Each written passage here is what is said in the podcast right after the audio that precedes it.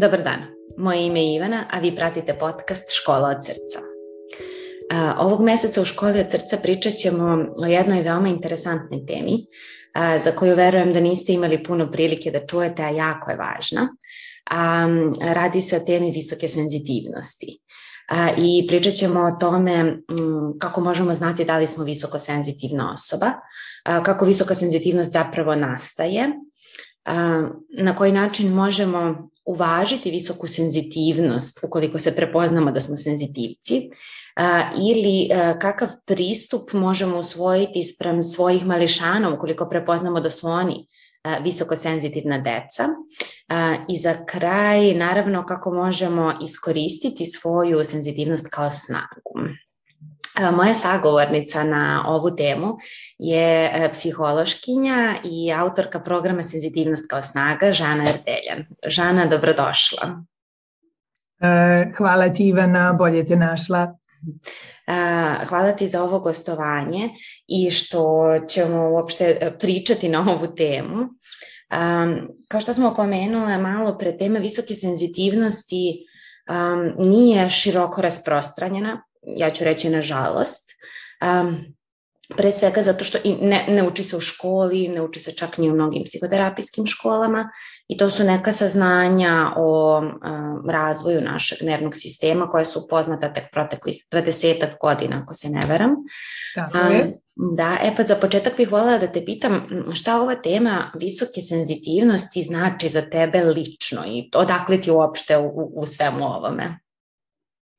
O, pa ova tema je za mene jako, jako značajna, prvenstveno zbog toga što sam visoko senzitivna osoba, e, što sam mama visoko senzitivnoj devojčici, što sam supruga jednom senzitivcu i što profesionalno zaista najčešće dolazim u susret kako sa roditeljima malih senzitivaca, tako i sa odraslim visoko senzitivnim osobama ja vrlo volim tu nekako i da delim tu priču kada me pitaju ovaj, kako sam došla na, na ovu temu. E, put me do visoke senzitivnosti doveo na jedan način koji očigledno nije bio slučajan. Ja sam 17 godina svog profesionalnog iskustva provela u savjetovalištu za porodicu prečkolske ustanove Radosno detinstvo Novosadske I tamo sam zaista imala jednu, pa mogu slobodno da kažem i privilegiju i profesionalnu čast da radim sa velikim brojem roditelja koji su samo inicijativno dolazili po podršku psihološku.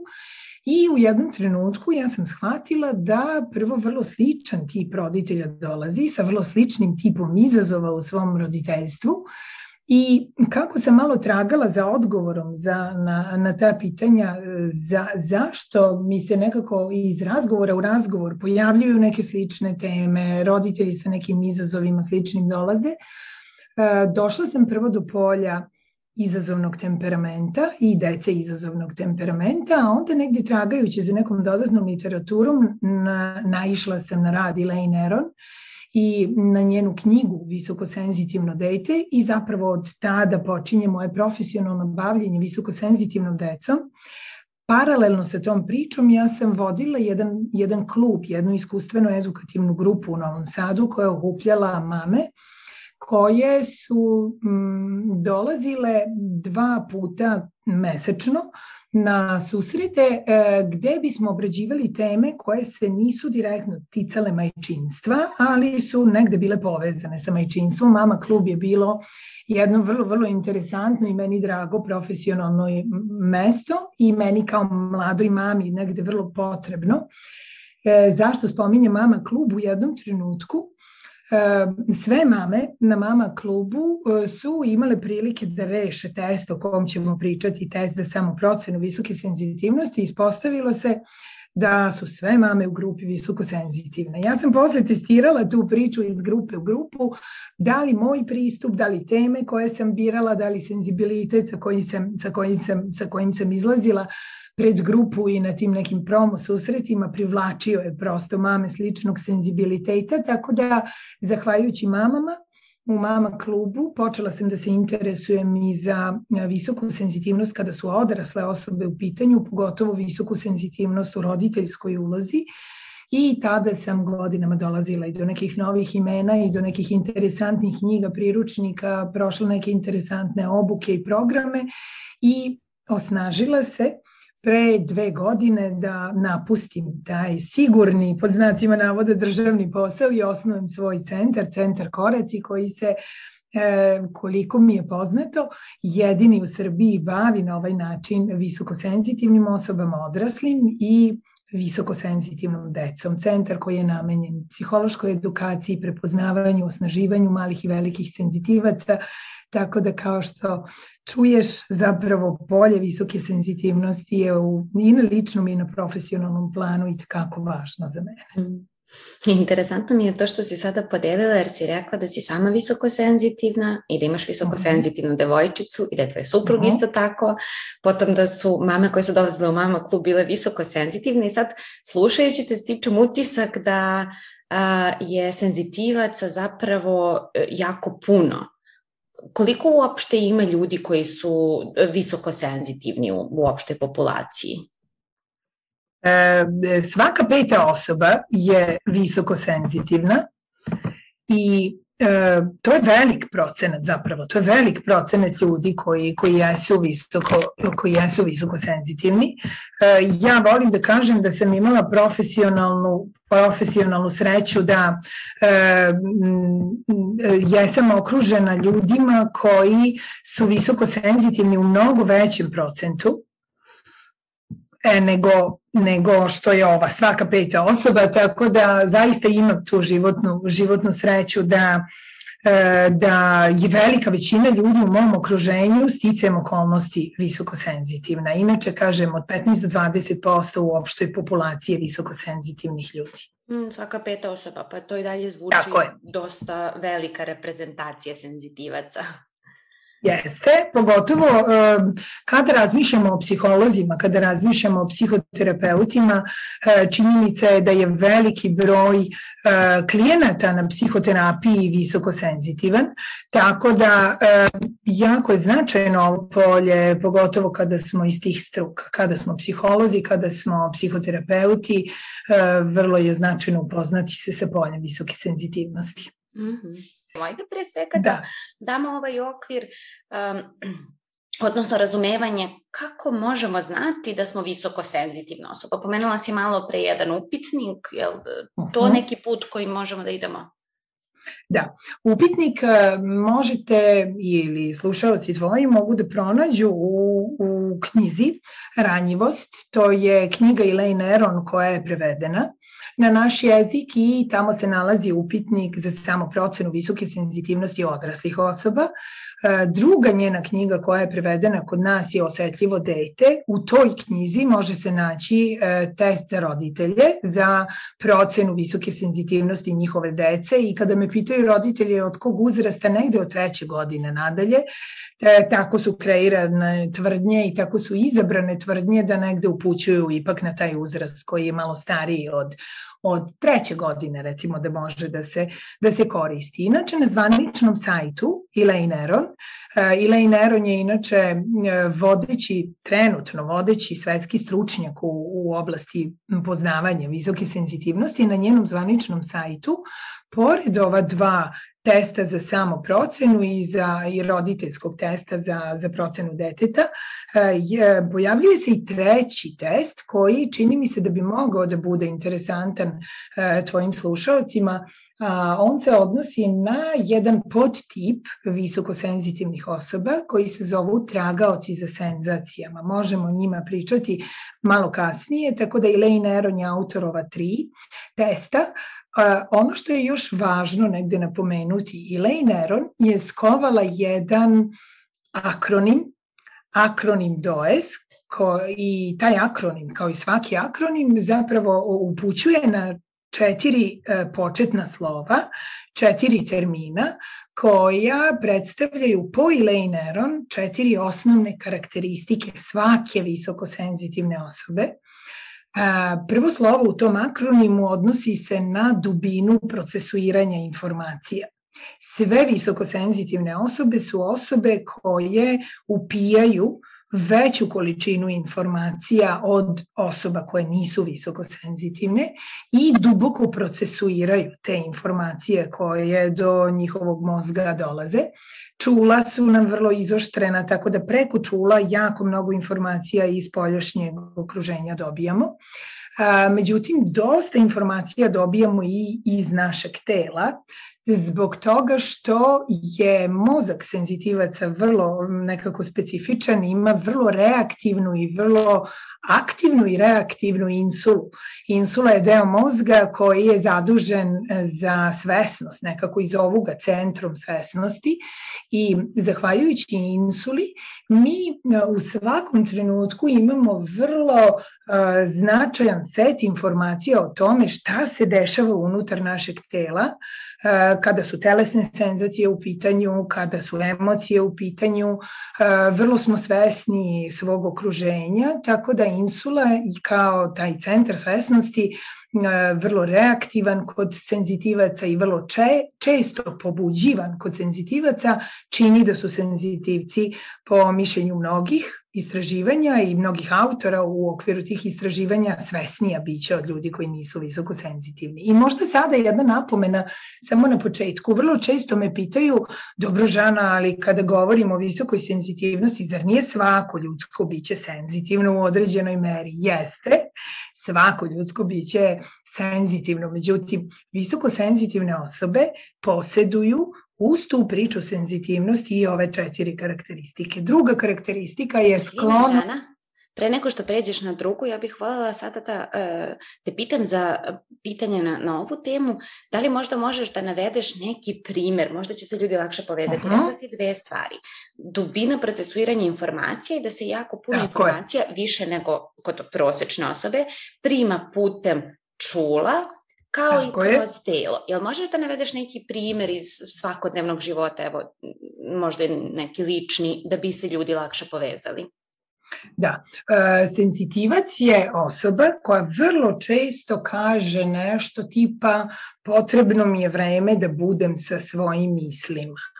I mi zaista tokom dana stvaramo jedan prostor da budemo sa svojim mislima. Jako nam je važno da prođemo kroz neke događaje koji su nam se desili tokom tog dana, da e, razmišljamo o tome ko smo mi unutar tog događaja, ko smo mi u relaciji sa drugima, e, da razmišljamo o tome da li smo na ispravan način postupili, da li smo možda, ne da Bože, povredili neku osobu u našem okruženju. Jako su nam važne međuljudski odnosi, jako su nam važne druge osobe, e, jako nam je važan negde fair i korektan odnos prema drugim osobama i to je konstantno negde, um, to je konstantno jedna tema kojom, kojom se bavimo tokom dana mnogo duže i češće nego ljudi koji nisu visoko senzitivni. A ovo što si spomenula vezano za čula, naša čula su ja volim da kažem, vrlo receptivna. Vrlo mnogo informacija stiže do našeg dnevnog sistema putem čula Tako da vrlo smo svesni našeg okruženja. Kada smo vrlo svesni našeg okruženja, mi to okruženje na drugačiji način percipiramo, na drugačiji način procesuiramo i o njemu razmišljamo, mnogo više detalja, e, jesmo svesni o mnogo, mnogo češće upravo o tim detaljima i o vezama između tih detalja promišljamo, razmišljamo i evo ja sam kao visokosenzitivna osoba upravo malo pre doživela ovo o čemu ti pričam, na kratko se ovaj naš tokom razgovora video koji nam je uključen sve vreme da bi razgovor bio nekako ovaj prijatniji i prirodniji e, isključio. Ja sam u isto vreme dok sam razmišljala o tome šta se tehnički dešava sa ovom mojom kamerom, jer do moje kamere je bilo, e, postajala svesna i toga da postajem pomalo uznemirena da nekako pliće dišem, da, da brže dišem, da razmišljam hoće li se to negde čuti po mom glasu, to što sam sad malo fokusirana na to da popravim malo ovu moju kameru.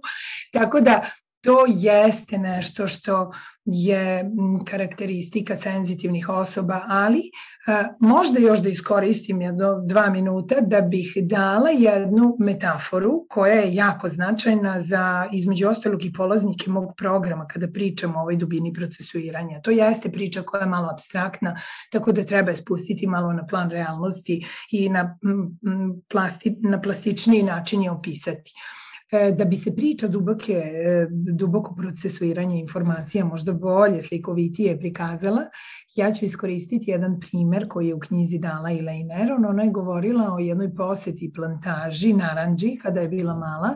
Roditelj je brate i nju odveo, tata je brate, brate i nju odveo tamo. Kaže, bila je jako fascinirana jednom mašinom koja je selektovala te plodove naranđi u tri, u tri grupe. E, plod koji je sitan, srednje veličine i krupan plod. Kaže, obično na taj način selektujemo informacije kada smo osoba koja nije visokosenzitivna. Mozak visokosenzitivnih osoba je poput te mašine koja želi da bude precizniji. Tako da nema tri kategorije, nego najmanje deset kategorija plodova. E, mali, mali plod, srednje mali plod, e, krupno mali plod, nešto tog tipa. E sada, ta preciznost u selektovanju nekih informacija, u ovom slučaju selektovanju tih, e, tih plodova, je prednost. Samo dok te naranđe ne ispadaju velikom brzinom. Onog trenutka kada ispadaju velikom brzinom, ta selektivnost i ta preciznost je u isto vreme naš problem. I ovaj, tada nam je ona mana zapravo. Tada bismo voleli da imamo mozak osoba koje nisu visoko senzitivne, da bismo se nekako lakše ovaj, snašli u toj, u toj situaciji. Tako da ja mnogo volim ovaj primjer jer govori o tome da s jedne strane duboko procesiranje informacija kada nismo preplavljeni, kada tih informacija nema previše iz našeg okruženja jeste velika prednost. Elaine Aron je naziva i super moći senzitivaca, a e, onog trenutka kada je informacija previše, tada e, jesmo neko ko e, je preplavljen u isto vreme, vrlo često čulno ili emocionalno preplavljen i tada je ova druga karakteristika visokih senzitivaca na delu. Druga karakteristika je sklonost preplavljivanju čulnom i emocionalnom preplavljivanju. To je jedan izazov senzitivaca na programu i u ličnom radu sa visokosenzitivnim osobama i malim senzitivcima, ja često nailazim zapravo na ovaj problem, problem preplavljenosti ili e, to je onaj moment kada kao da imamo utisak da nam je svega previše. Previše zvukova, previše mirisa, previše slika, previše emocionalnih dešavanja unutar nas. Treća karakteristika je emocionalna reaktivnost i empatija. E, senzitivci su osobe koje češće nešto emocionalno dirne ili dotakne ili e, neki događaj u našem okruženju, neki problem koji imamo, sukob u komunikaciji sa drugom osobom do koje nam je, pogotovo do koje nam je stalo. I senzitivci su vrlo često osobe koji imaju ono što se kaže kraći fiti kada reaguju. U emocionalnom smislu umeju da budu osobe koje burnije emocionalno reaguju, a sa druge strane skloni su i da, da budu empatični. Neki čak kažu kada sebe opisuju, kažu imam problem i suviše sam empatičan. Ne postoji priča da je neko suviše empatičan, koliko postoji priča da e, empatija u kombinaciji sa nedovoljno jakim psihološkim granicama, granicama kojima smo skloni, kada smo visoko senzitivne osobe, može da bude veliki problem u relaciji sa drugima. Znači, to je treća karakteristika i četvrta, jako smo svesni detalja u svom okruženju. Lako čitamo između redova, jako brzo registrujemo kada se nešto u okruženju promeni, jako brzo registrujemo neke subtilne promene sagovornika našeg, pa to negde zbog ove dubine procesuiranja informacija tumačimo, tako da nekad smo zapravo svesni šta se dešava sa osobom preko puta nas i pre nego što ta druga osoba nešto osvesti. Tako da ta sklonost ili osetljivost na subtilnost ili detalje je četvrta karakteristika. Ja bih možda pokušala da ih sumiram kroz jedan primer lični. Pričala sam pre izvisnog vremena sa drugaricom baš o visokoj senzitivnosti koja je rekla da ima u okruženju visoko senzitivnu osobu i onda je rekla nas dve kada uđemo zajedno u kafić, od, od vrata do trenutka dok sednemo, ja sam se samo kao prošetala iz sela jer nije visoko senzitivna, dok je njena bliska visokosenzitivna osoba postala svesna i svetlosti u prostoriji i zvukova, koliko ljudi ima, ka, kako je na koji način neko nju pogledao ili nije pogledao. Toliko informacija primi samo kroz tih nekih 5-10 koraka do mesta da sedne e, u kafiću, što bi bila ovaj, svesnost detalja i to da generalno čulno mnogo više opažamo Tako nego je. drugi ljudi. Tako. Da, a onda sam čula i razumela ovaj deo da sve te ve, e, tu veću količinu detalja koju primamo da može da bude preplavljujuća i ako je preplavljujuća da je onda je. emocionalna reakcija na sve to nekada uh, intenzivnija i burnija. Jasno. Tako je. Tako je, divan primer, baš je dobar primer koji stvarno sažima zapravo ove četiri i prožima ove četiri karakteristike. Prijateljica bi moglo da bude neko, ova prijateljica iz primera, neko ko zapravo mnogo kraće može da izdrži u tom kafiću zbog svega toga i neko kome bi možda prijalo da u jednom trenutku izađe iz tog okruženja. Zato senzitivci moraju jako da vode računa o tome da pronađu između ostalog i neki životni stil koji im odgovara da ne bi često ulazili u stanje preplavljenosti. Mm, da, i o tome možemo detaljnije nešto kasnije o tim jel, stvarima koje senzitivci mogu da urede za sebe, ali evo ono što je meni sada došlo je da je ovu priču jako važno da čuju ne samo senzitivci, nego i osobe koje nisu senzitivne, ali imaju senzitivce u svom okruženju, jer će nam biti lakše Tako. da razumemo te drage ljude koji će posle pola sata ipak želeti da izađemo iz kafića i da možda prošetamo Tako. po parku da. Upravo to. Da, e, htela sam još da te pitam, kada pričamo o karakteristikama senzitivaca, je da li su, e, u stvari da li uopšte postoji pravilo, da li su senzitivci više introvertne ili ekstrovertne osobe? Uh -huh.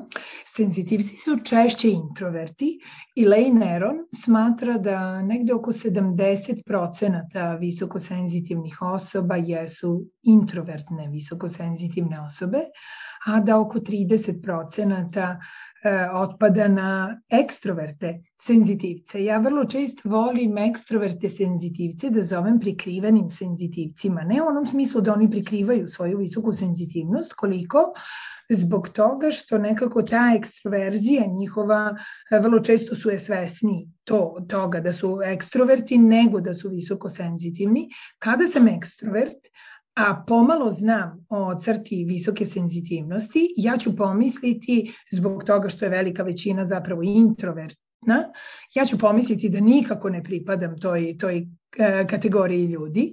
Međutim, e, određeni broj ekstrovertnih senzitivaca koji su se prepoznali u visokoj senzitivnosti su zapravo otkrili jednu vrlo značajnu karakteristiku sebe i e, vrlo često mi kažu ovo je karika koja je nedostajala da bi sebe razumeo. Lako stupam u kontakte sa drugima, uživam u nekoj socijalnoj razmeni, međutim, u te interakcije ekstroverti senzitivci unose svoje senzitivno telo i vrlo brzo im postaje previše. Nekad i onda ekstroverti kažu ja ne znam da li ja volim ljude ili želim da malo da se udaljim od, od nekih socijalnih interakcija, sve nekako dođe na svoje mesto kada razumeju da su ekstroverti senzitivci, oko 30% ljudi je ekstrovertno. Ekstrovertno. Ok. Da. A, ajde sada da, da možda pričamo o tome, a, rekla si senzitivnost je biološka karakteristika u nekom trenutku. Da. A, htela sam da te pitam kako visoka senzitivnost uopšte nastaje, kako dolazi do toga da neko jeste, neko nije visoko senzitivan? Da. Elaine Aron uh, u svojoj knjizi Ranjivost se navodi i neka značajna istraživanja u polju visoke senzitivnosti. Inače, u naučnim krugovima visoka senzitivnost se zove i osetljivošću senzornog procesuiranja, osetljivo senzornog procesuiranja informacija. je naučni termin za visoku senzitivnost.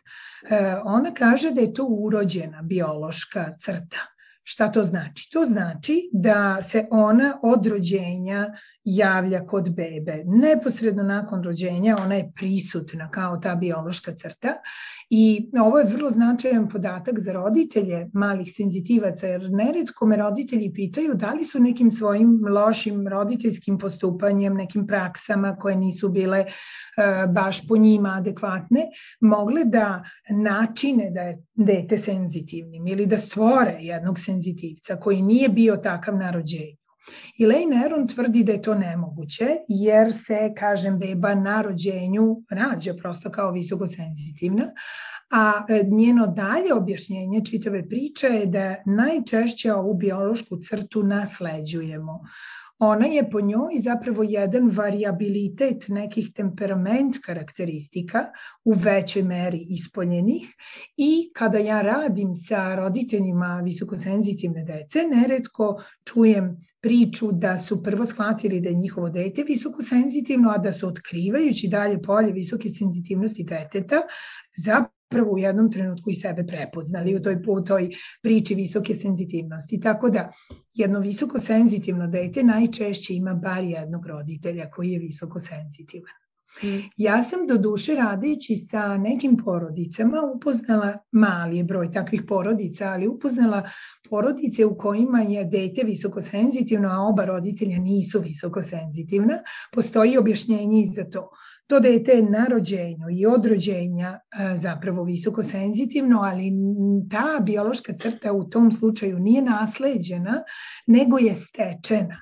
Recimo, veliki broj prevremeno rođene dece je visoko senzitivno ili blizanci su vrlo često, blizanačke trudnoće ovaj, ili e, višestruke trudnoće. E, nekad se dešava da se beba rodi kao visoko senzitivna, a da mama i tata nisu visoko senzitivni, ali da je mama. Recimo tokom trudnoće bila pod velikim stresom, izložena nekim traumama ili je hronično obolela pa je pila neke lekove za svoju hroničnu bolest, tako da postoje i neki drugačiji načini, nekad, nekad traumatično rođenje traumatični poređaj ili teži poređaj ume da rezultuje tom činjenicom da je beba visoko senzitivna, a da roditelji nisu visoko senzitivni. Znači u najvećem broju slučajeva je jel, nastavna Nasleđe. i ako smo Tako. visoko senzitivni, veća je verovatnoća da ćemo imati visoko senzitivno dete. Tako Opet, je. s druge strane, neki izuzetni događaji koji se dešavaju tokom trudnoće ili na samom porođaju Tako. mogu da uzrokuju visoku senzitivnost. Ok. E sad Tako. me zanima još jedan deo, kad kažeš to je biološka karakteristika, a opet malo pre smo pomenuli mhm. nešto naš nervni sistem, Koje su to specifičnosti nervnog sistema visokosenzitivne osobe? E, mozak visokosenzitivne osobe najkraće i najjednostavnije objašnjeno je osetljiviji, nervni sistem osetljive osobe osetljiviji i reaktivni. Šta znači reaktivni? Upravo ono o čemu smo pričali malo pre. Zaista reaguje e, e, intenzivnije na neke podražaje s polja i unutra, iznutra. E, ono što je dokazano je da senzitivci imaju reaktivniju amigdalu, jedan deo u mozgu, jedan deo limbičkog mozga, jedan deo e, subkortikalnih struktura, koji je zapravo naš koji je zapravo naš čuvar, koji se aktivira u onom trenutku kada percipiramo da postoji neka opasnost u našem okruženju. Mozak senzitivaca poput ljudi koji su izloženi traumama recimo ili imali iskustvo trauma je takav da je amigdala češće pobuđivana ali na jedan specifičan način ona reaguje e, i kada postoji realna opasnost u, okruže, u okruženju, međutim, ne kada amigdala visokosenzitivnih osoba e, jeste reaktivna i kada realne opasnosti u okruženju nema. Navešću primer. Mali senzitivci, kad kažem mali, mislim na decu koja su visoko senzitivna, ali i odrasli, sa kojima ja radim pogotovo, često to navode kao primer, mogu da reaguju aktivnom amigdalom i na jednu najobičniju kritiku. kritika kao takva nije ugrožavajući faktor u okruženju u onom smislu da je naš život doveden u opasnost. Međutim, mozak senzitivaca nekad kritiku doživljava kao realnu opasnost i pobuđuje sve one mehanizme u telu, bori se, beži, zaledi se, kao da je zaista realna opasnost u pitanju.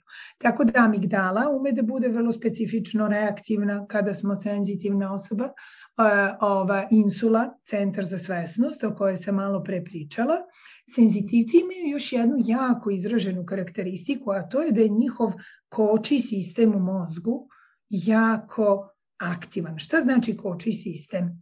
Dobro osmotri svoje okruženje i dobro razmisli pre nego što stupiš u određenu akciju ili u određenu aktivnost. Elaine Aron čak visoku senzitivnost smatra sasvim opozitnom, drugačijom karakteristikom od impulsivnosti.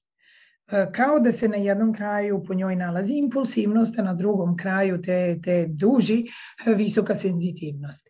Ona smatra da su visoko senzitivne osobe zapravo osobe koje su izrazito bazrive zbog ovog jakog koči sistema i kako se, ono, kako se manifestuje ta obazrivost. E, nekad kao potreba deteta da dugo posmatra svoje drugare u vrtiću, kako se igraju, šta čine, a da im dugo ne prilazi. Tako da roditelji, vaspitači, učitelji nekad malu senzitivnu decu doživljavaju kao stidljivu decu. Međutim, stidljivost e, nije u ovom slučaju prava stidljivost, nego je više obazrivost i taj koči sistem jak u mozgu. Kada smo odrasle osobe, zbog ovog jako koči sistema, mi smo osobe koje se dugo predomišljaju šta učiniti, kakvu odluku doneti, tako da vrlo često možemo da budemo opisani od strane sredine, sredine kao neodlučne osobe, kao osobe koje, kojima je dugo potrebno da progovore, nešto kažu u društvu ili donesu neku, neku odluku. To su nekako najznačajnije karakteristike senzitivaca i predstavljaju i neke razlike na planu mozga. Sada kada si pričala o koči sistemu i navela ovaj primer deteta recimo u vrtiću koje će duže posmatrati vršnjake pre da. nego što stupi u socijalnu interakciju, rekla si da to, na primjer, nekada vaspitači percipiraju kao stidljivost, a to zapravo nije stidljivost, već kao jedan da. deo visoke senzitivnosti. Pa na tu temu bih htela da te pitam Koje su to najčešće zablude o visokoj senzitivnosti? Sa čim najčešće možemo da pomešamo visoku senzitivnost? Evo stidljivost, na primjer, može biti jedan primer, jel da? Jeste. E, stidljivost je upravo jedan primer kako najčešće mešamo e, dve zapravo različite stvari. E, druga je da se senzitivnost poisto većuje sa introverzijom. Pričali smo malo pre da je velika većina, zapravo 70% ovaj, senzitivaca introvertno, ali ne može senzitivnost poistovetiti sa introverzijom. Uh, Zatim, česta je zabluda da su žene mahom visokosenzitivne i da je mnogo više žena visokosenzitivnih. Istraživanja govore da je otprilike podjednak broj dečaka i devojčica visokosenzitivne i da je podjednak broj samim tim i žena i muškaraca. Kada kažem samim tim, visoka senzitivnost se ne gubi tokom života. To je takođe jedna važna, važna ovaj, karakteristika senzitivnosti. Rađamo se kao visokosenzitivna beba i umiremo kao visokosenzitivna osoba. Tokom čitavog života visoka senzitivnost, pogotovo u odnosu na ove četiri karakteristike koje sam spomenula, je prisutna i nemoguće je da ona nestane. Međutim, šta možemo da menjamo tokom života? Odnos prema našem okruženju, možemo da menjamo neke osobine ili možda pre tip ponašanja koji proističe iz visoke senzitivnosti. To je moguće promeniti, ali visoku senzitivnost kao takvu ne. E, zatim, visoka senzitivnost e, vrlo često se doživljava kao posledica nepovoljnih uticaja i doživljaja u detinstvu. Otprilike dete imalo teško i nepovoljno detinstvo, traumatično, nešto su činili sa njim pa je ono postalo visoko senzitivno, to je česta zabluda. postoji jedno jako značajno istraživanje u polju visoke senzitivnosti koje govori da dobro detinstvo, šta znači dobro detinstvo? Dete koje je prepoznato da je visoko senzitivno, e, koje je podržano, prepoznato, ohrabrivano, podržano, e, podizano u skladu sa svojom visokom senzitivnošću i prepoznato u dva najvažnija sistema, to je s jedne strane porodični, a s druge strane vrtički ili školski, ima duplo veću šansu da izraste u odraslu osobu koja je vrlo zadovoljna svojim životom, psihološki vrlo ostvarenu, vrlo stabilnu, bez problema mentalnog zdravlja. I sa druge strane, to je koncept diferencijalne osetljivosti i sa druge strane mali senzitivci, ako nisu adekvatno podržani u detinstvu, nisu prepoznati kao visokosenzitivna deca, disciplinovani su na jedan specifičan način koji ne odgovara njihovom senzibilitetu, često postiđivani, često poređeni sa drugom decom, izlagani, bacani u vatru, senzitivci mali ne vole iznenađenja i ne vole da se bacaju u vatru ako to često roditelji rade i ako nisu prepoznati ponovo u porodičnom, vrtičkom ili, ili školskom sistemu, nažalost, u odraslom dobu su u duplo većoj, e, u duplo većem riziku da imaju problem ili neki od problema mentalnog zdravlja. Anksiozni poremećaj je češći u odraslom dobu ako imaju loše detinstvo, zatim različiti oblici zavisnosti, zatim socijalna anksioznost kao podtip anksioznosti, i panični napadi su češći, depresivnost je češća, zatim neki problematični partnerski odnosi, problemi na radnom mestu i u radnom okruženju i tako dalje i tako dalje. Mm, ovo govori o tome koliko je važno da prepoznamo visoku senzitivnost i kod sebe kao odraslih, pa onda kod jel, ljudi koji su se ostvarili u roditeljskoj ulozi i Tako. kao roditelja, a i kod uh, a i kod svoje dece. Da. Uh, uh, htela bih sada da te pitam dva pitanja, jedno po jedno, ali korak po korak. Um, a prva stvar je, ja verujem da se do sada, evo, većina slušalaca ili je sebe prepoznala u ovoj priči ili neku sebi dragu osobu, jer jedna od pet osoba je, kao što smo rekli, prilično velika reprezentacija u opštoj populaciji. Um, šta je to što um, možemo da uradimo ukoliko smo visoko senzitivna osoba, da tu svoju visoku senzitivnost uvažimo, da, da nekako sve ove stvari koje smo rekli, te ja, jače čulne podražaje, veću svesnost, dublje procesuiranje, da uvažimo i da nekako olakšamo sebi ako smo visoko senzitivni. Da. Pa prvi korak je da razumemo visoku senzitivnost. Prvo da, da otkrijemo da smo visoko senzitivna osoba. To je možda i najvažniji korak. Ja sam često u kontaktu sa ljudima koji dali preko knjige, dali preko nekih blogova, rada nekih ljudi u ovoj oblasti, shvate u jednom periodu svog života da jesu visokosenzitivne osobe i e, nekako svi do jednog tvrde da je to možda jedno od najznačajnijih otkrića o sebi tokom života do kojih su došli i jedno od najznačajnijih za njih. Tako da prvo prepoznati zapravo visoku senzitivnost kod sebe i e, nakon toga trud da što više saznamo o ovoj biološkoj crti. Jer što više saznajemo o biološkoj crti visoke senzitivnosti, to e, češće normalizujemo neka naša stanja. E, ljudi na grupi, na programu koji vodim, doživljavaju veliko olakšanje kada čuju priče drugih senzitivaca, kada čuju sa čime se suočavaju, kada čuju da recimo, navešću jedan primer, baš pre, pre dve nedelje na grupi desila se jedna interesantna stvar, u jednom trenutku svi su učesnici grupe potvrdili da imaju problem sa određenim zvucima u svom okruženju. E, poput zvuka e, onog kaplje, kaplje voda iz slavine koja nije dovoljno zatvorena ili je pokvarena. Zatim zvuk sata u prostoru koji je onako malo, malo jače kuca. E, zvuk neke klime koja osoba koja u našem okruženju dok jede mljacka ili hrkanje partnera ili senzitivci umeju da budu jako osetljivi na zvuke ovog tipa u svom okruženju do te mere da ne mogu da ih podnesu. Ima ljudi koji, da, mogu da im smetaju pomalo ti zvuci i da ih registruju, ali senzitivac može da bude osoba koja ne može da podnese taj tip zvukova. Ja sam sad ovo navela čisto kao jedan primer kako je prepoznavanje toga da e, su i neke druge osobe u sličnoj muci e, poput nas jedan, jedan značajan faktor koji vodi priči normalizacije. Često senzitivci kažu veliko sam olakšanje doživela kad sam shvatila da jesam visoko senzitivna i da sa mnom, da nisam, da to nije poremećaj, da to nije problem, da je to jedna eto, variacija na temu prirode i biologije.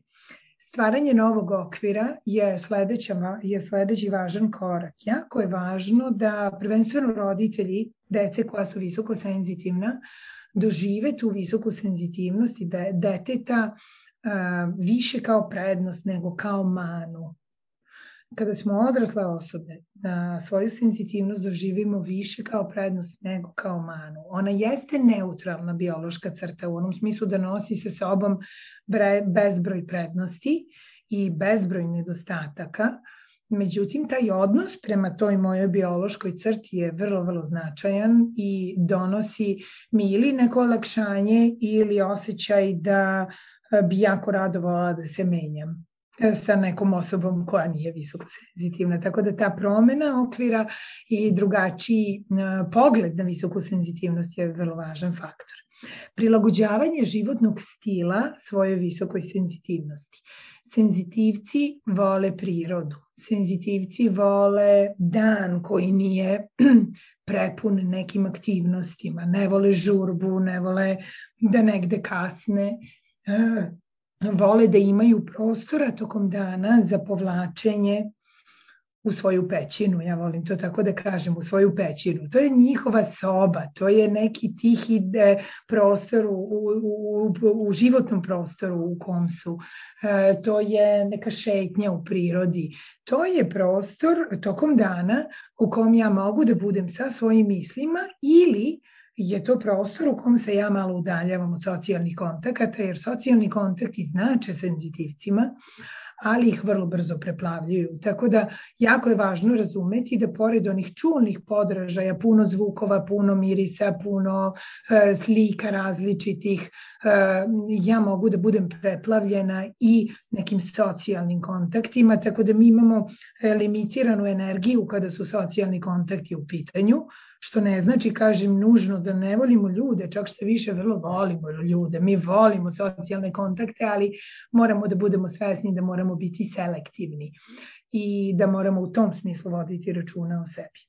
Biti autentičan u partnerskoj vezi je jedno ogromno polje kada su senzitivci u pitanju Elaine Aron je napisala jednu divnu knjigu koja se zove Visoko senzitivna osoba u ljubavi, u partnerskim relacijama gde govori o četiri moguće e, variacije na temu. Visokosenzitivni partner sa osobom, sa drugim partnerom, partnerkom koja nije visokosenzitivna e, u jednu i u drugu stranu. Partner muškarac, visokosenzitivni žena koja nije visokosenzitivna i obrnuto ili jedan partner je visokosenzitivan, drugi, drugi nije. E, kao i opcija da su oba partnera visokosenzitivna, ona tvrdi da eh, su sve četiri kombinacije zapravo dobre, ali je preduslov da bismo bili u jednoj kvalitetnoj vezi sa drugom osobom koja može da bude visokosenzitivna i ne mora da bude visokosenzitivna, to da razumemo našu visokosenzitivnu prirodu i ukoliko partner nije visokosenzitivan, da ga informišemo o tome šta visoka senzitivnost nosi sa sobom, upravo apropo onog primjera divnog koji si navela malo pre, nekad ta naša potreba za povlačenjem ne znači ne volim te, ne znači smeta mi tvoje društvo, nego prosto znači moram da se povučem da bi tamo negde u miru, u tišini, u svoje, sa svojim mislima ponovo napunila onaj moj rezervoar energije. Rezervoar energije senzitivaca se brže prazni, tako da o tome takođe moramo voditi računa i fiziologija, jedan plan fiziologije kad su senzitivci u pitanju je vrlo interesantna stvar. Senzitivcima je potrebno više sati sna, potrebne su češće pauze, potrebno je manje aktivnosti tokom dana, potrebna je zdrava ishrana, potrebno je više vode, potrebno je da nemaju problem da prepoznaju da kada su umorni zaista odmore i sebi dozvole taj odmor. Tako da e, dalje jedna karakteristika koju nikako ne smemo ovog trenutka da, da nekako zaobiđem, senzitivci su ljudi smisla. Mi želimo smisa u svemu. Smisa u poslu koji obavljamo, smisa u relacijama, smisa u roditeljstvu pronalazimo, smisa u partnerskim, prijateljskim odnosima i tako dalje i tako dalje. Tako da mi smo tragaoci zapravo za smislom i nekako sve ono što za nas nema smisla u životu, teško se u to upuštamo i teško ostajemo u pričama koje za nas nemaju smisla. To je jedna značajna karakteristika koja nas u velikoj meri razlikuje od ljudi koji nisu visoko senzitivni, koje čak i nervira to često upotreba reči smisao kod senzitivaca. Mi je volimo i često je upotrebljavamo, a ljudi koji nisu visoko senzitivni pitaju se često zašto im je toliko važna ta reč i uopšte taj pojam i to traganje za smislom. Mm -hmm. O, hvala Žana, ovo je baš jedna lepa mapa kako možemo da jel, uvažimo svoju senzitivnost, na koji način da je usmerimo u najboljem smeru i opet ću ponoviti ono što sam u nekom trenutku malo pre rekla, da razumemo visoko senzitivne ljude oko nas. Da. da. da.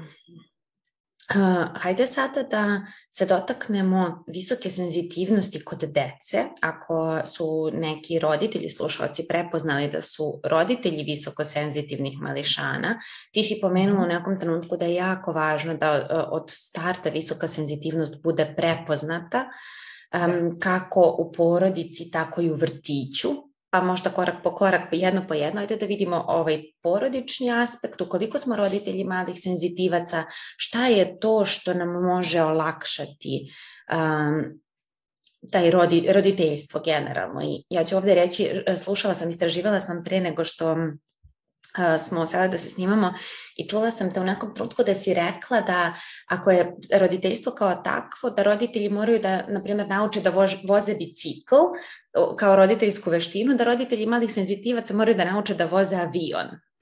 Tako je. Jel, možeš da nam da. objasniš da. koji je avion, da. jel, na koji način da vozimo ovaj avion?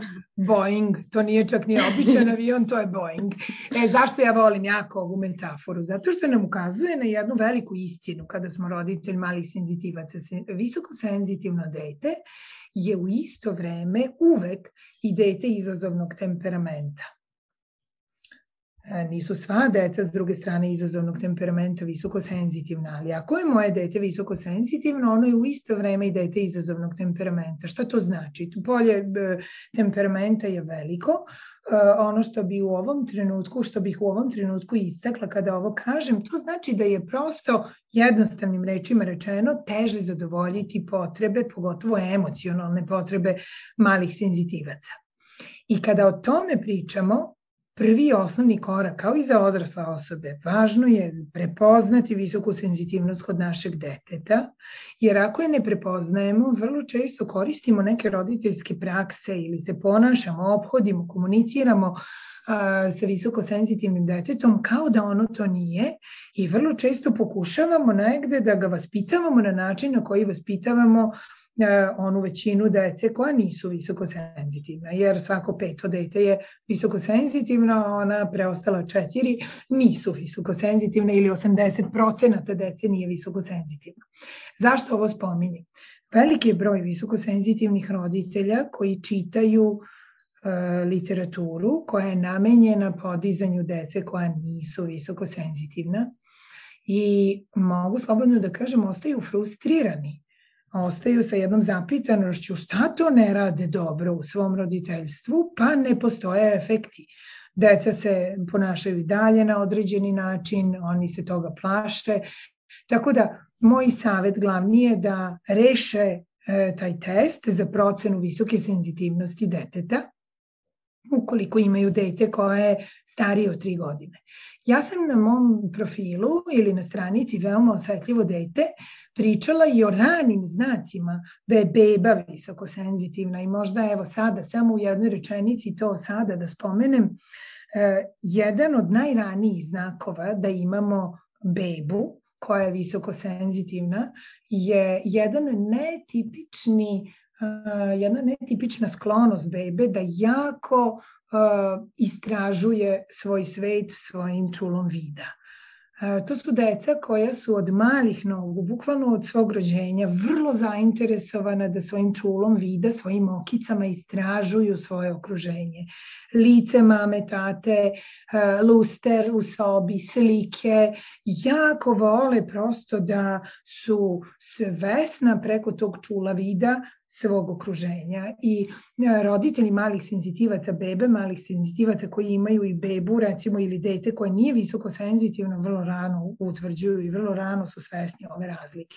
Tog pogleda jednog koji je vrlo zreo nekad mi kažu roditelji senzitivaca, Bože, od, od momenta rođenja ove bebe, ja sam imala utisak da me posmatra odrasla osoba, ne beba. Tako da to je jedan od naj, najranijih znakova i najučestalijih znakova kada je visoka senzitivnost u pitanju.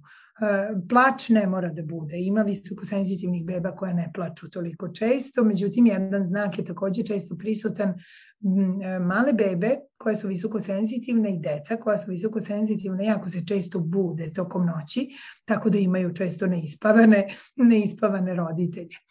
Ono što je mnogo dalje značajno da prilagodimo svoje roditeljstvo e, karakteristikama, visokosenzitivne dece. E, šta bi bila najznačajnija prilagođavanja? E, decu moramo upoznati sa nekim rasporedom dnevnim, sa nekim e, promenama koje su očekivane. Mali senzitivci ne podnose iznenađenja.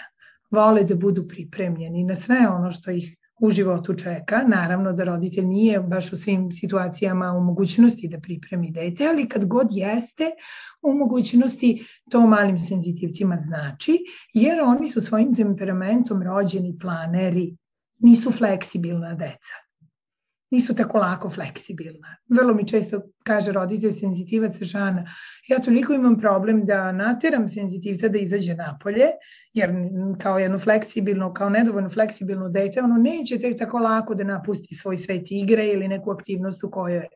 Kada smo napolju, jako mi je teško da ga ubedim da treba da se vratimo kući. Tako da to su rođeni planovi, planeri koji vole planovi i to su deca koja često imaju problem sa dnevnim tranzicijama, sa tim prelazima iz jedne u drugu aktivnost. Tako da to roditelji malih senzitivaca treba da znaju. E, samo samopoštovanje i samopouzdanje im je jača strana. Tako da E, razvijati samopoštovanje, samopouzdanje kada smo roditelji malih senzitivaca je jedno od najznačajnijih zadataka. E, zatim disciplina je drugo veliko polje. Senzitivci nisu deca koja e, se dobro nose sa kaznama. Nijedno dete se dobro ne nosi sa kaznama, ali kada kaznite malog senzitivca, nakon toga vam je potrebno još duplo duže vremena da ga umirite od te kazne. On kaznu doživljava kao bukvalno atak na njegovu ljudskost i čovečnost. Da senzitivci mali su vrlo mudra deca. Deca koja imaju još jedan izazov koji je jako važno da roditelji prepoznaju, a to je nešto što se zove disbalans senzitivaca. Senzitivna deca su kognitivno jako jaka, vrlo su pametni. Kognitivno su vrlo, vrlo zrela deca Međutim, u socijalnom i emocionalnom smislu vrlo su nezrela. Tako da e, to je disbalans.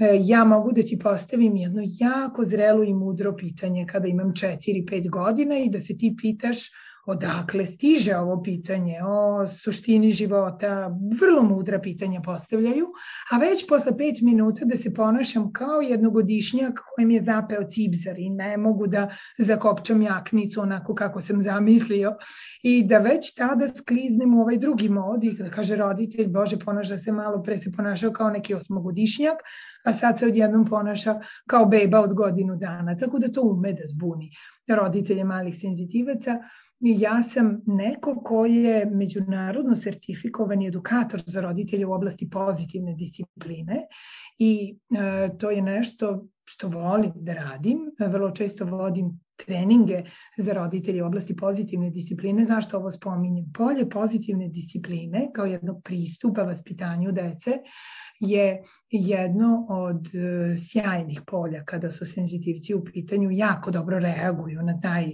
na taj prosto način vaspitanja. Tako da to su možda neke najznačajnije i izbegavanje praksi poput poređenja sa drugom decom, postiđivanja, posramnjivanja. Aj, hvala Žano, ovaj, roditelji koji treba da nauče da voze ovaj avion roditeljstva visokosenzitivnog deteta, jer baš tako izvuči, da. onda mogu da koriste i pozitivnu disciplinu, odnosno njene alate na tom putu. Um, ja pa ja bih htela za kraj da te pitam, inspirisana naslovom tvog programa Senzitivnost kao snaga, uh, kroz sve što smo do sada pričali, smo rekli kako je to neutralna biološka karakteristika, a, i e, kako je važno da prihvatimo svoju visoku senzitivnost. Mm, opet s jedne strane, ukoliko nije prepoznata, to može da nam bude otežavajuća okolnost, jer je nismo uvažili, ali ne, ne delujemo u skladu sa svojom visokom senzitivnošću. A kako svoju senzitivnost možemo prevesti u snagu? Ja sam već dok si ti pričala čula neke jako lepe stvari o senzitivcima, da je njima smisao i svrha veoma važna, da su jako radoznali, da su jako kreativni, pa evo šta sve može biti snaga koja je posledica naše senzitivnosti?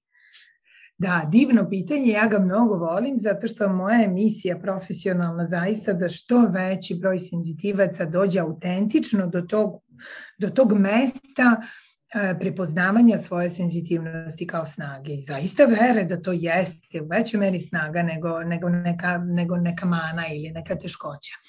E, šta su još snage senzitivaca? Senzitivci su e, osobe koje e, jako lako stupaju u komunikaciju sa različitim tipom i sa različitim socijalnim grupama ljudi. Ja volim primer na radnom mestu, senzitivac je osoba koja pronalazi zajednički jezik i sa e, portirom i sa spremačicom, ali i sa nadređenim, ali i sa direktorom. Tako da volimo ljude, mi smo ljudi koji volimo, mi smo, mi smo bića koja volimo zapravo jako ovaj, e, druge ljude. E, ono što ume da bude takođe velika snaga senzitivaca da, da su lako e, neko ko vidi daleko Šta to znači vidi daleko? E, na putu, e, recimo, ako se odluče da postanu preduzetnici, među preduzetnicima ima mnogo senzitivaca. Senzitivci vole da naprave svoj biznis, da naprave svoju poslovnu priču i da budu svoj ovaj, direktor i svoj šef i da organizuju svoje vreme tokom dana. Neko su kom na samom početku neke možda profesionalne priče lako može da spozna prepreke potencijalne na tom putu lako osvesti neke potencijalne prepreke u vezi, u roditeljstvu, u nekoj profesionalnoj priči. Tako da dalekovidi su, vrlo često mogu da ih e, zovu dalekovidim ljudima, ljudima koji i, i po pitanju sebe, ali i po pitanju drugih mogu lako da nekako ovaj, e, budu svesni nekih potencijalnih prepreka ili nekih potencijalnih potencijala te druge osobe ili sebe na tom putu. E, zatim to su osobe koje uživaju i to velika životna prednost, uživamo u malim stvarima. Mi smo neko ko zaista autentično može da se raduje sitnicama u životu. La, jako lako postanemo zadovoljni, radosni, ispunjeni e, u prirodi, e, pred nekim umetničkim delom. Umetnost kao takva ume da nas pokreće jako lako, da utiče na onu našu emocionalnu reaktivnost. Vrlo često jesmo ekspresivni, vrlo često volimo da se izražavamo, i na planu umetnosti i umetnosti kao tako i uživamo. Kao roditelji, kada smo visoko senzitivni, umemo da budemo vrlo kreativni u svom roditeljstvu, što je velika snaga u roditeljstvu i jako dobro osjećamo decu. Bez obzira da li je to naše dete visoko senzitivno ili nije visoko senzitivno, mi čitamo između redova, Tako da to je velika snaga kada si, kada si roditelj. Nekako razumeš dete bez da dete nešto mora da kaže. Tako da vrlo dobro bebe recimo, ovaj, čitamo, tako da vrlo lako prepoznajemo šta se iza plača krije kao ovaj osnovna potreba. E, čitamo inače dobro između redova i u socijalnim kontekstima, umemo jedna velika, velika snaga kad su senzitivci u pitanju, dobri smo slušalci. Iako dobro slušamo i volimo da slušajući čitamo između redova, tako da umemo da budemo vrlo značajni sagovornik za drugu stranu, koja pogotovo drugu stranu koja nije u dovoljno meri svesna sebe. Mm, zbog toga, ovog posljednjeg što si rekla, sad mi je pala na pamet da se zapravo među e, ljudima koji rade u pomagačkim profesijama, psihologima, da. psihoterapeutima da. nalazi puno da. senzitivaca, da. Da, izvini Ivana što te prekidam, jako si važnu stvar spomenula, u nekim profesijama ima zaista mnogo visokosenzitivnih osoba, umetnici su često visokosenzitivni, e, vrlo često se među naučnicima različitih ovaj, oblasti kriju uh, senzitivci. Među advokatima, pogotovo onom, onom tipu ljudi koji je jako zainteresovan da brani E, prava ili poziciju nekih ranjivih e, kategorija ljudi ili ranjivih socijalnih grupa. Ima jako mnogo senzitivaca, senzitivaca ima mnogo u pomagačkih, pomagačkim profesijama, tako da tu se nekad procenat penje i do 50, nekad i preko 50 u odnosu na ovu opštu populaciju gde ih ima od 15 do 20 procenata. Mm.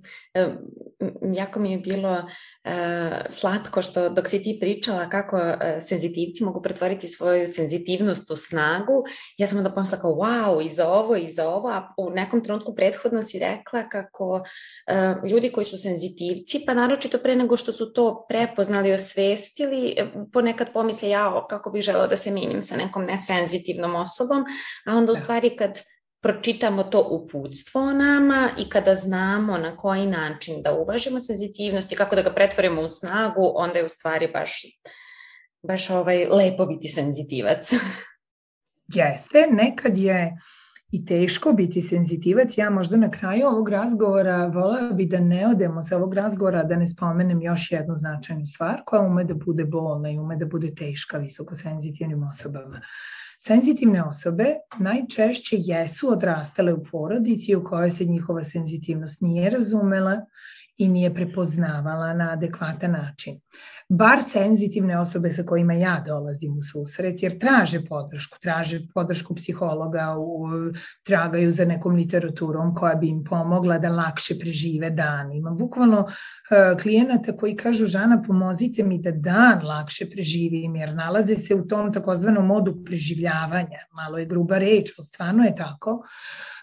To su najčešće senzitivci koje ja volim da zovem ranjeni senzitivci, neprepoznati kao senzitivna bića u svom detinstvu, podizani na način koji ne prija njihovom, e, njihovom senzibilitetu i nekad neretko razvojno traumatizovani jer su ih podizali roditelji koji su možda takođe visoko senzitivni bili, a o kojima su se takođe na neadekvatan način ovaj, ponašali i odnosili kada su bili mali. Tako da e, postoji i priča velike povezanosti između priče traume i visoke senzitivnosti i što senzitivac u većoj meri želi da ne bude visoko senzitivan, to je meni s druge strane pokazatelj da je očigledno imao teško. Izazovno detinstvo, da je moguće bio u kontaktu sa različitim vidovima traume, najčešće moje iskustvo za to jeste razvojna trauma, I e, tada je neophodno da pored ovog nivoa priče psihološke edukacije zaista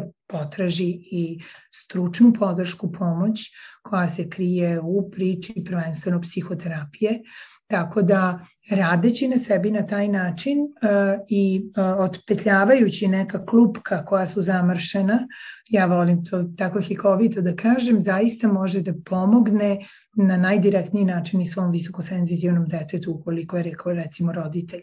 Da se ta trauma dalje nekako ne, ne prenosi na nove generacije senzitivaca, tako da i to je negde važno spomenuti. Hvala ti što si pomenula ovo, jer važno je da da podižemo svest i nekako da možda i damo ideju nekim senzitivcima što mogu da urade da. za sebe. Um, da. Na ovu temu samo za kraj htela bih još da te pitam da li m, postoje neki psihoterapijski pravci koji su um, bolji za visoko senzitivne osobe? Da. Divno ti je pitanje. Ja sam godinama radići sa senzitivcima koji se odluče naravno i za terapijski rad i psihoterapijski rad, shvatala da senzitivcima mnogo prijaju terapije koje su usmerene na telo. Jer E, trauma zbog koje se najčešće javljaju u kombinaciji sa visokom senzitivnošću mora biti tretirana kroz priču tela i početi od nivoa tela. Tako da telesno um, orijentisane psihoterapije umeju da budu terapije izbora kada su senzitivci u pitanju, Ja dolazim iz polja gestalta, e, gestalt terapija, e, svesnost, sada je ovde prebacivanje takođe negde na plan tela, e, telesnih senzacija, ume da bude sjajna terapija, EMDR pristup, ume da bude pristup koji tekako jeste efikasan šema terapija, tako da to su neke, naravno nisam ovaj, spomenula sve, ali e, da, više, više taj tip terapije nego čisto e, kognitivni, kognitivistički e, u kom je terapija nekako više terapija razgovorom, moramo spuštati to na plan tela, moramo spuštati to nekad na plan traume i prorade traume, tako da to jesu pristupi koji su se pokazali boljima. Hvala ti Žana puno e, na, na ovom razgovoru, na ovoj prilici. Ja se nadam da će doći do ljudi kojima je potrebno i da će neki e, senzitivci nakon što ovo čuju na bolji način prihvatiti svoju senzitivnost i dobiti makar delić onog uputstva šta sa njom dalje. Hvala tebi Ivana ponovo još jednom e, na ovoj prilici da pričam na ovu važnu temu. Nadam se da će epizoda biti interesantna tvojim slušalcima. Takođe, ja se nadam da ćemo imati prilike da pričamo na neku drugu temu ili možda dublje o ovoj temi neki sledeći put. Vrlo rado. moje ime je Ivana, vi ste slušali podcast Škola od srca.